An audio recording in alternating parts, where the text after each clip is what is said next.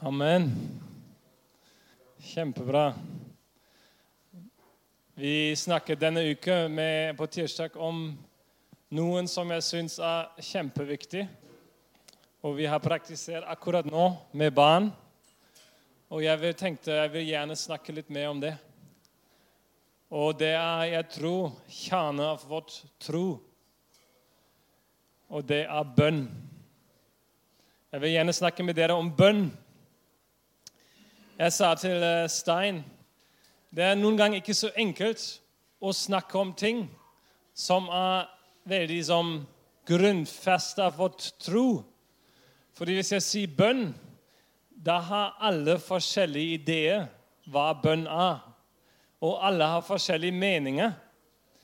Men jeg vil bare dele mitt hjerte og håpe at dere blir eh, velsignet.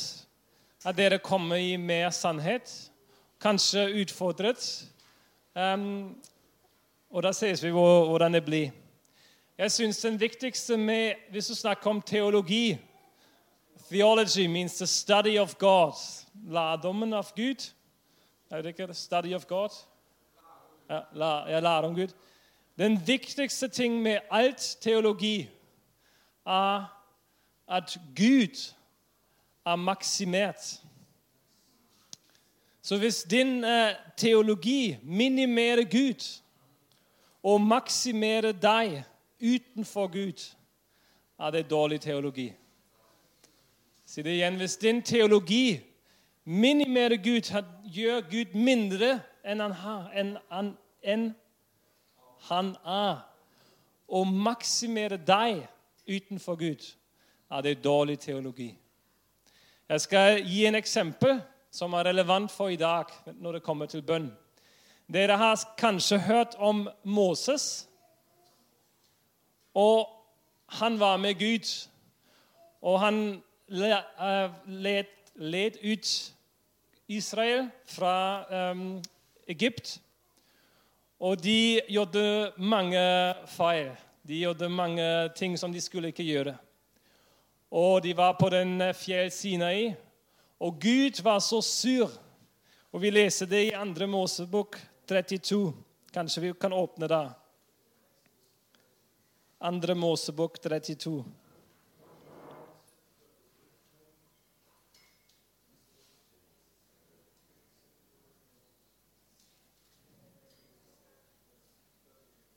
Andre Mosebok 32, vers 10. Da leser vi. Så Gud snakker nå med Moses. Blant vers 10 til 14. Bland deg nå ikke inn, for min frede skal flamme opp mot dem og fortare dem. Men deg vil jeg gjøre til et stort folk. Da ba Moses om velvilje for Herren, sin Guds ansikt. Han sa, 'Herren, hvorfor skal din frede flamme opp mot folket ditt, som du har ført ut av Egypt med stor kraft og sterk hånd?' Hvorfor skal egypterne kunne si, 'Det var med onde, onde hensikter han førte dem ut', for å drepe dem i fjellene og utrydde dem fra jorden?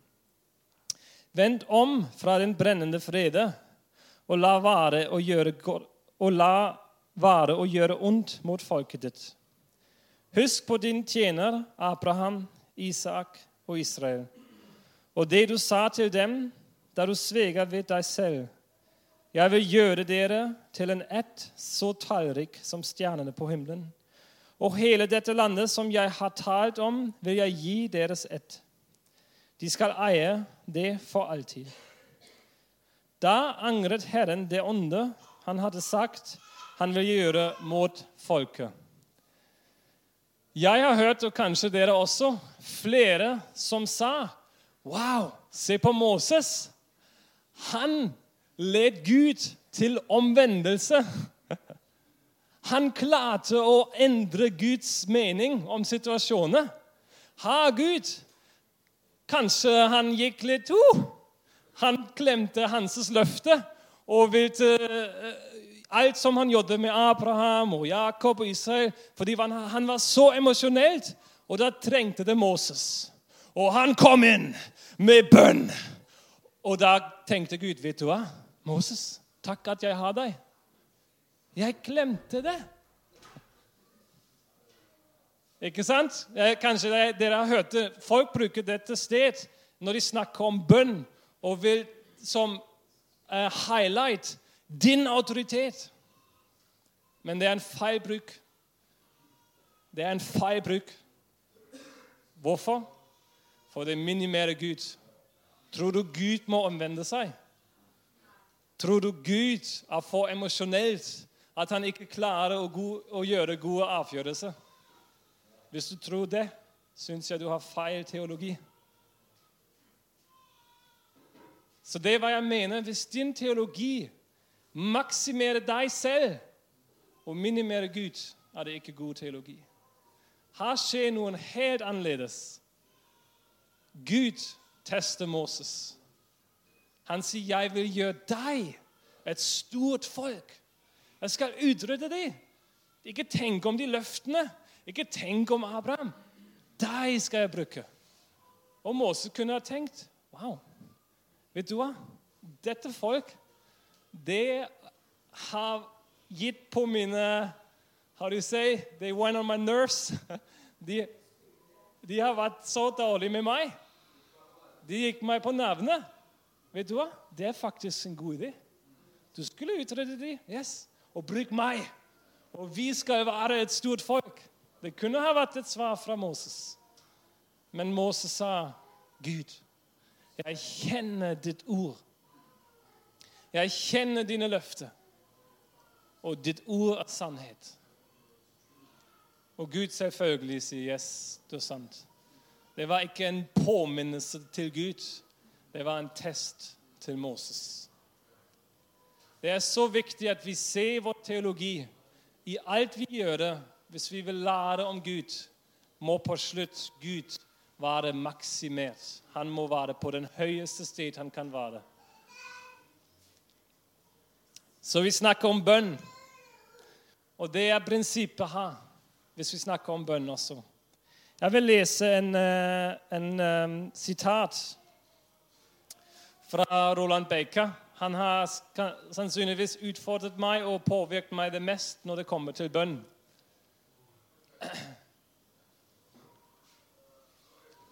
Jeg skal lese i norsk. Og livet vårt finnes bare i forhold til Gud. Når Han påkreper oss, sulter vi etter ham. Vi ønsker umiddelbarhet. Vi må kjenne ham. Vi må finne ham. Vi må leve i ham. Vi må finne alt vi trenger i ham. Vi må være forelsket. Vi må være begeistret, vi må være trygge, romantisk oppfylt og eksploderende av glede. Vi kan ikke forlate ham et sekund.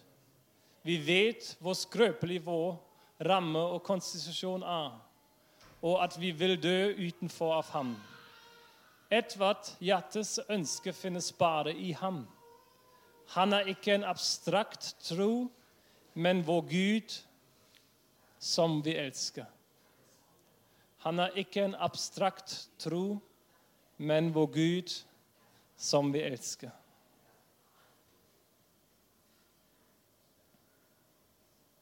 Er det sant for deg?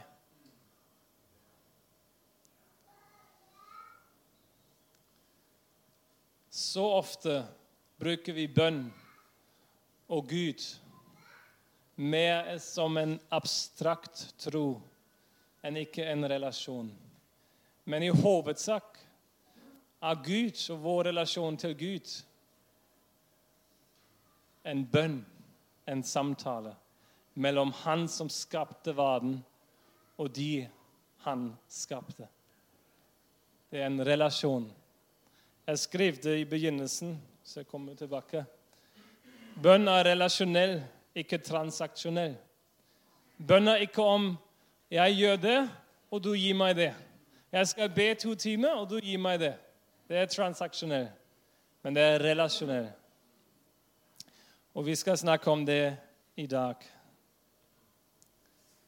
Disiplene de var med Jesus mange ukene og måneder Og de hadde ett spørsmål til Jesus. De hadde flere spørsmål, men en av de spørsmålene var I Lukas 11 leser vi Herre, la oss å be. De ikke sa 'Herre, la oss å breke'. Fordi vi er elleve. Israel har kanskje noen tusen. Samaria 10 000. Romerriket 1 million, jeg vet ikke, 100 000. Så vi må vite hvordan vi skal breke Guds ord. Vi må vite hvordan vi kan gå få i autoritet. Gå videre i autoritet. Men de sa til Jesus, 'Jesus, Herre, lær oss å be.' Det er så viktig at vi vet hvordan vi ber. Og Jeg vil kanskje gjerne snakke litt mer om bønn, fordi jeg tror det er så sentralt til vår tro. Men før vi spør dette spørsmålet 'hvordan', må vi spørre det spørsmålet 'hvorfor'? Kanskje dere kan åpne Jakob, Jakobs brev, kapittel 4, vers 1.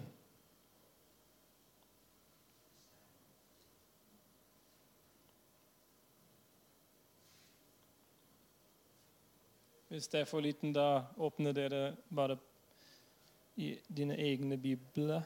bibler. Jakobs brev, kapittel 4, vers 1. Hvor kommer all striden og spliden hos dere fra? Er det ikke fra lystene som fører krig i lemmene deres? Dere begjærer, men får ikke. Dere myrder og misunner, men oppnår ikke noe. Dere lever i strid og ufred. Dere har ikke fordi dere ikke ber. Dere ber, men får ikke fordi dere ber galt. Dere vil sløse det bort i nyttelse. Utro som dere er, vet dere ikke at vennskap med verden er fiendskap mot Gud.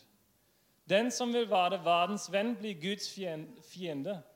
Eller mener dere det et tomme ord når Skriften sier med brennende iver gjør Gud krav på den ånd han har latt bo i oss. Men nåden han gir, er større.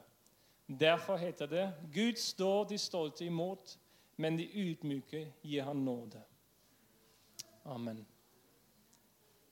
Her står dere har ikke fordi dere ikke ber. Dere ber, men får ikke fordi dere ber galt. Dere vil sløse det bort i nyttelse. Hvorfor har vi ikke? Fordi vi ber ikke i den riktige måte. Og nå kan du gå to veier. Du kan si jeg skal gi dere et oppskrift hvordan dere ber. Så da kan vi gå helt sikkert at det går riktig. Hvis Anneli gir meg oppskrift til å bake kake ja, Kanskje ikke meg, men hvis Anneli gir en oppskrift til Øyvind å bake kake, det kan være et nytt kake, det skal lykkes. Fordi en oppskrift virker. Og vi kunne tenke ok, det er så viktig at vi ber riktig, så da skal jeg gi dere en oppskrift. Eller vi går den andre vei, og vi sier det er prinsippet Gud prøver å lære. Og vi må finne ut hva er egentlig den viktigste ting i bønn. Er det virkelig at vi ber riktig, eller er det kanskje hvem ber? Hva er din relasjon til Gud?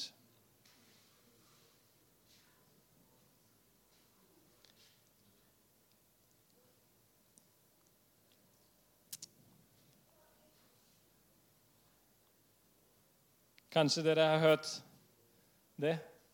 Name it and claim it. Du må bare si, og da får du. Bare si, deklarere, proklamere, og da får du. Vi skal lese i apostelgjerninga hva Bibelen syns om det. Apostelgjerninga, kapittel 19.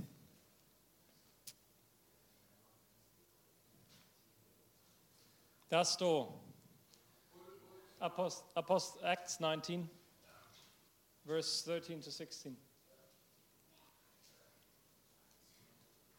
Noen omreisende jødiske åndemanere forsøkte også å si fram Herren Jesu navn over den som hadde onde ånde i seg og sa, 'Jeg besvager dere ved den Jesus som Paulus forkynner.' Det var 20 sønner av den jødiske overpresten Skevas som drev på med dette. Men den onde onden svarte dem, 'Jesus kjenner jeg, og jeg vet hvem Paulus sa.' Men hvem er dere? Mannen som hadde den onde onden i seg, før løs på dem, overmannet dem alle og slo dem til blods. Så de rømte ut av huset nakne og forslåtte. Jesus kjenner jeg, og Paulus har jeg hørt om, men hvem er du? Mye viktigere enn den budskapet du bringer, er den budskapere. Er det ikke engelsk sier du, 'the message is less important than the messenger'. Du kan ha en kjempefin bønn. Det var en bra ting å prøve å dreve ut en ånde ond. Men hvem var han? Hvem var han i relasjon til Gud? Han prøvde å gjøre hva apostlene gjorde uten den relasjonen de hadde med Jesus. Apostlene kjente Jesus. De var fullt med Den hellige ånd. Og de, derfor kunne de name it and claim it. Men det var grunnfestet på den relasjonen de hadde med Jesus. Og hvis nå du eller jeg prøver å kopiere, kopiere, kopiere, kopiere, kopiere hva vi ser med andre, med andre, men ikke bygger den samme relasjonen, da blir det tomt. Din bønn har ingen krefter. Gud har makt. Og hvis du ber, og noen skjer, er det av ditt forhold til Gud. Gud har makt. Din bønn i seg selv har ikke noe krefter. Men når du kommer sammen med Gud Han er mektig. Han skal virke gjennom deg. Men det er ikke en sånn resepi du må bare bruke. Vi kan lese i Johannes 15. Johannes 15, vers 7 og 8. Hvis dere blir i meg, og mine ord blir jeg i dere. Be da om hva dere vil, og dere skal få det. For ved dette blir min far æret, at dere bærer mye frukt og blir mine disipler. Be da om hva dere vil, og dere skal få det. Dette er et løfte til oss. Men der står noen foran det. Hvem er dette løftet for? Hvem er dette løftet for?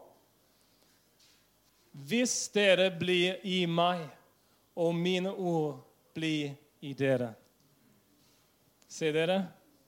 Det handler om relasjon. Det handler om å være i Jesus. Og når vi er i Jesus, kan vi be hva dere vil.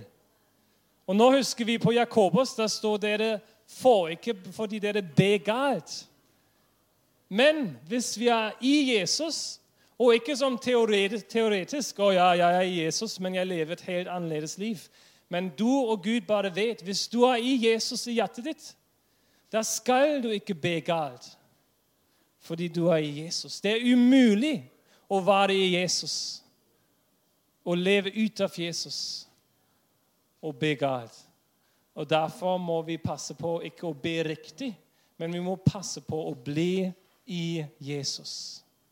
Bli ett med Jesus. Det er ikke om å gi dere en oppskrift, og dere må lære det. og Hvis dere bruker det ene ordet feil da, det her, det feil igjen. Nei. Men hvis dere passer på at dere blir i Jesus. Og Det ser kanskje annerledes ut for deg og deg. Da kan du be en bønn som et barn eller et bønn som en teologiprofessor. Det spiller ikke noen rolle. Budskapet Budskap, hva, hva er messenger? Budskapere? Messenger? Budbringende er mye mer viktig enn budskapet.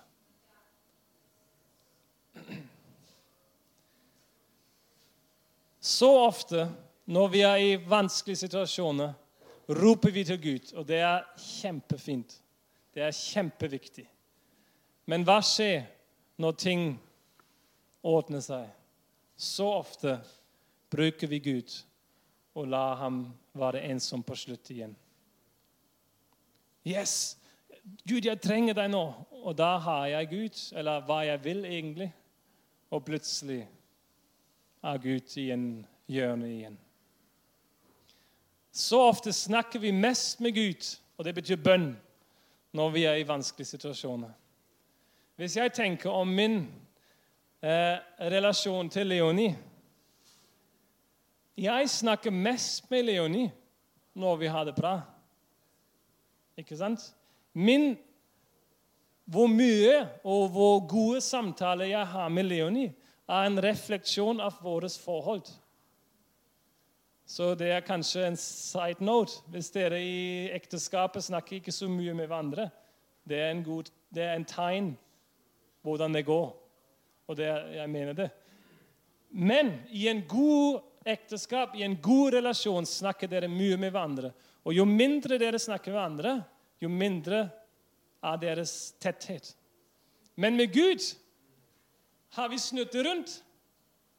Ikke vi, kanskje, men har, mange har snudd rundt. Vi snakker mest med Gud når vi ikke har det bra. Hva viser det? Hvis det er sant for deg, hvis det er sant for meg, da viser det at jeg ikke egentlig lever i en relasjon, i en eh, love relationship, i en kjærlighetsrelasjon. Men jeg mer bruker Gud som et uh, verktøy å få ting til. Fordi en kjærlighetsrelasjon alltid vises at du snakker mye når du har det bra. Fordi det, det er fint. Jeg elsker å snakke med Leonie. Hvis jeg har ikke noe imot henne, da elsker jeg å sitte ved henne ved, ved siden av huset og snakke om ting. Men hvis jeg har opplevd noe galt i dag, eller jeg, det er litt imellom oss, og jeg kommer hjem, da vil jeg helst ikke snakke med henne. Prøve å unngå. Men med Gud har vi snudd rundt. Og det er mulig for oss med Gud fordi vi kanskje ikke lever i en kjærlighetsrelasjon. Fordi hvis vi virkelig lever i en kjærlighetsrelasjon, er det umulig å snakke mindre når vi har det bra. Da vil vi snakke med han. Jeg skal komme til et slutt. Men jeg vil gi en eksempel av bønn fra Bibelen som for meg påvirket meg mest. Fordi spørsmålet er Hvis Gud vet alt og min budskap er ikke så viktig. Hvorfor ber jeg da? Da kan jeg bare si at jeg har en god relasjon med Gud, og da har vi det. Men da har du falt ned på den andre sida. Bønn er helt i spenning. Gud vet alt du gjør. Gud vil at du har relasjon med ham. Bare fordi Leonie vet at jeg elsker henne, er det ikke nok at jeg har sagt det en gang. Men vi fortsatt snakker med hverandre oppmuntrer hverandre, viser kjærlighet til hverandre. Og Det er et sted i Bibelen som viser det best. Og det er bryllupet, bryllupet i Kana. Da har du en dame som tror jeg har sannsynligvis den tetteste relasjonen en menneske kunne ha hatt med Jesus. Og den dame heter Maria, og det er hans mor. Tenk om det. Moren av Jesus, vår Herre. Hun var med sin sønn. Og da var det et stort problem. Vin gikk ut. Det er en fornærmelse for familien. Bryllup var i full gang, og det er ikke, noe, noe, ikke mer vin. Og da kommer hun til Jesus. Og Jeg skal vise det en liten klipp fra The Chosen, fordi den viser det så godt. Det er på engelsk, men eh, dere kjenner historien, og jeg skal snakke det om det på norsk etterpå. For, um, men jeg skal bare vise det. Yes. Så nå kommer den situasjonen. Ikke noe vin. Festen er i full fart. Hva gjør vi nå? Vi kjenner resten av historien. Men den, hver gang jeg leser den, og når jeg har sett den, den viser bønn for meg. Her er en dame som kjenner Gud, som kjenner Jesus. Og her er en situasjon som er vanskelig for Maria. Det var hennes venner. Og her er et spørsmål, et bønne... Um, request, bønneemne til Jesus. Jesus, Jesus, du må gjøre noe her. Og hva sier Jesus? Det er ikke min tid. Det er ikke Guds, i Guds store plan. Vi kan nå snakke om teologi, er det sant ment, men han sa det. I Guds, Guds store plan er det ikke sånn at jeg skal gjøre det nå. Og da ser hun på ham og si, 'Please, vær så snill'. Det var alt som trengtes. At Jesus forandret Guds store plan. At han ikke skulle åpenbare seg selv, men svare hans mor. Og det ikke hva som en ting Jesus sa, det, det er ikke mitt tidspunkt nå. Etterpå kommer det flere ganger hvor Jesus ikke gjorde noen ting, eller sa til de han gjorde noen. Ikke si til noe. Det er ikke tiden nå. Så det var ikke som en engangstanke. Vet du hva, det er ikke tiden nå. Det var ikke tiden nå. Det var sant før, og det var sant etter. Men det var en sånn gjennombrytelse for en kort øyeblikk hvor Jesus åpenbarte seg selv før tiden fordi av en bønn. Fordi relasjonen til Jesus, til Gud, er viktigere enn den ting det er om. Her var moren hans, som var i en tett kjærlighetsrelasjon, og hun trengte hjelp. Og da sier Jesus, 'Vet du hva? Jeg er her for deg.' Og det er bønn ett ord, men et stort hjerte. Hvis du har problemer i ditt liv, og du ber om ting Første spørsmål ber jeg riktig, som Jakobus sier. Og det spørsmålet ikke bruker jeg riktige ord, men hvor er hjertet mitt? Fordi jeg vet hvis det er i Guds plan eller ikke.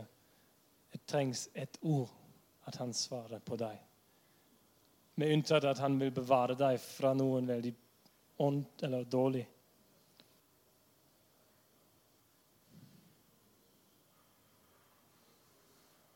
Det er bønn. Relasjon.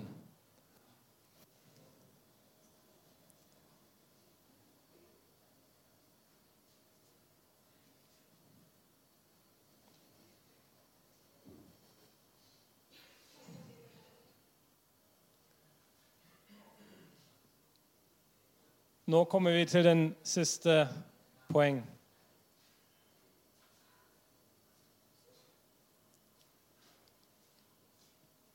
Bønn. Ikke få Gud til å gjøre det du vil. Den posisjonerer deg heller til å motta den han gir.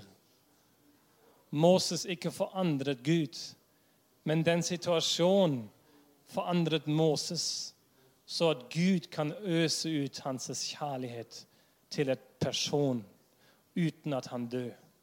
Hva Moses gjorde, var tror jeg en av de mest rareste ting som skjedde i Bibelen. Han sa Gud fra baksida. Han var i en så tett relasjon med Gud. Det kunne ikke alle ha gjort uten at de dør, uten at de blir helt galt, uten at de blir stolt. Jesus eller Gud måtte vite hvem er du, Moses? Hvor er hjertet ditt? Og hvis hjertet ditt er på feil sted, må jeg teste det. Og hvis Gud tester oss, da gjør han det fordi han vil forandre oss.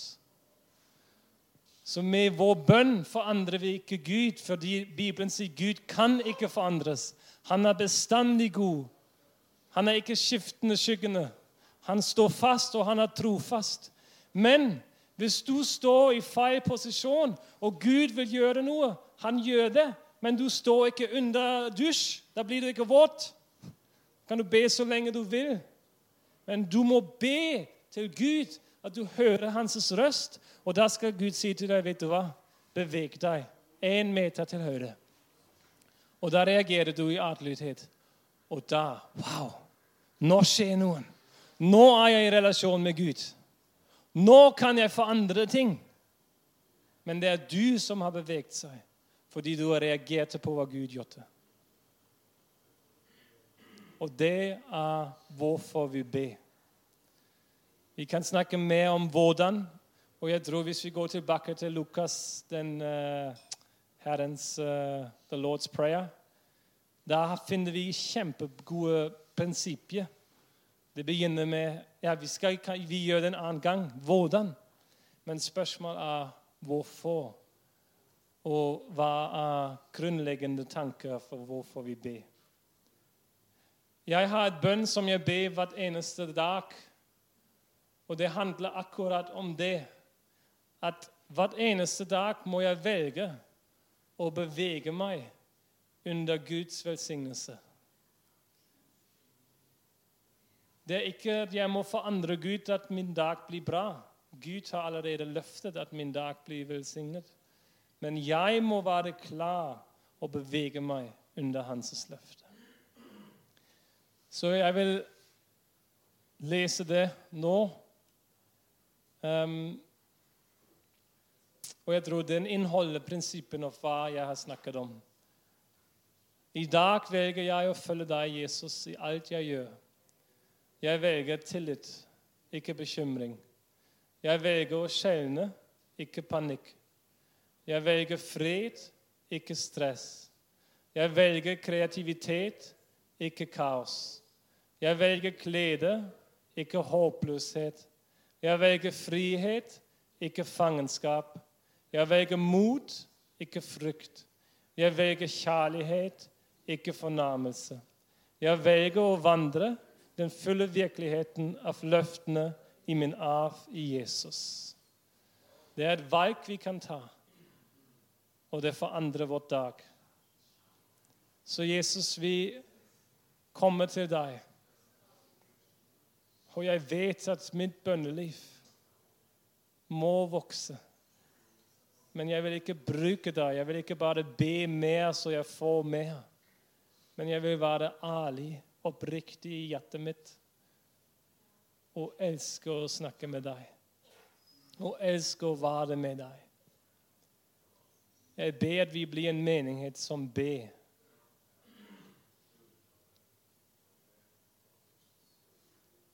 At vi blir en menighet som elsker å snakke med deg, Jesus.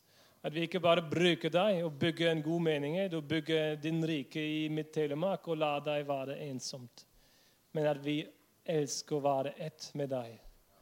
Og jeg vet når vi begynner, eller vi har begynt, men når vi er på den veien, da blir ditt navn helliggjort, som Johannes 15 sier. Ditt navn skal bli helliggjort når vi bare frykt, når vår, bønne, når vår bønne blir svart. Så Helligånd, kom og hjelp oss å be i Jesu navn. Jeg skal slutte med en tips. Vi har snakket på tirsdag allerede om det. Hvis det er vanskelig for deg å be, det er én ting alle kan be. Og det er at du ber Gud, hjelp meg å be. Det er bedre at du sitter hjemme istedenfor, som Bibelen sier, snakker med mange ord som høres bra ut. Sitt hjemme og bare gjenta for én time og to timer eller den hele dag hvis du må, og si 'Jesus, help, hjelp meg å be'. Kan vi stå opp sammen? Helligånd, kan vi be det sammen? Jesus, Jesus, hjelp oss å be. Jesus, vi må være et familie som ber. Hjelp oss å be. Så når vi går i lovsang, Bare bevege hva jeg har sagt. Kanskje jeg har sagt noen ting du er ikke enig i. Det er helt greit. Noen ting som utfordrer deg. Noen ting du vet du må endre. La ikke bare oss stoppe nå og gå ut og Ja, det var bra. Men la oss bevege de ting nå foran Gud. Gjør et valg. Helligånd, kom. Vi omvender oss. Vi omvender oss fordi du er trofast. Du står fast. Du ikke forandrer deg, men vi omvender oss. Og vi takker deg at vi har autoritet. Vi har autoritet. Jeg ikke sier ingenting at vi ikke har autoritet. Vi har autoritet. Vårt bønn forandrer ting, men det er kraften i, som ligger i Gud, som vi er i en relasjon til. Takker deg, Jesus.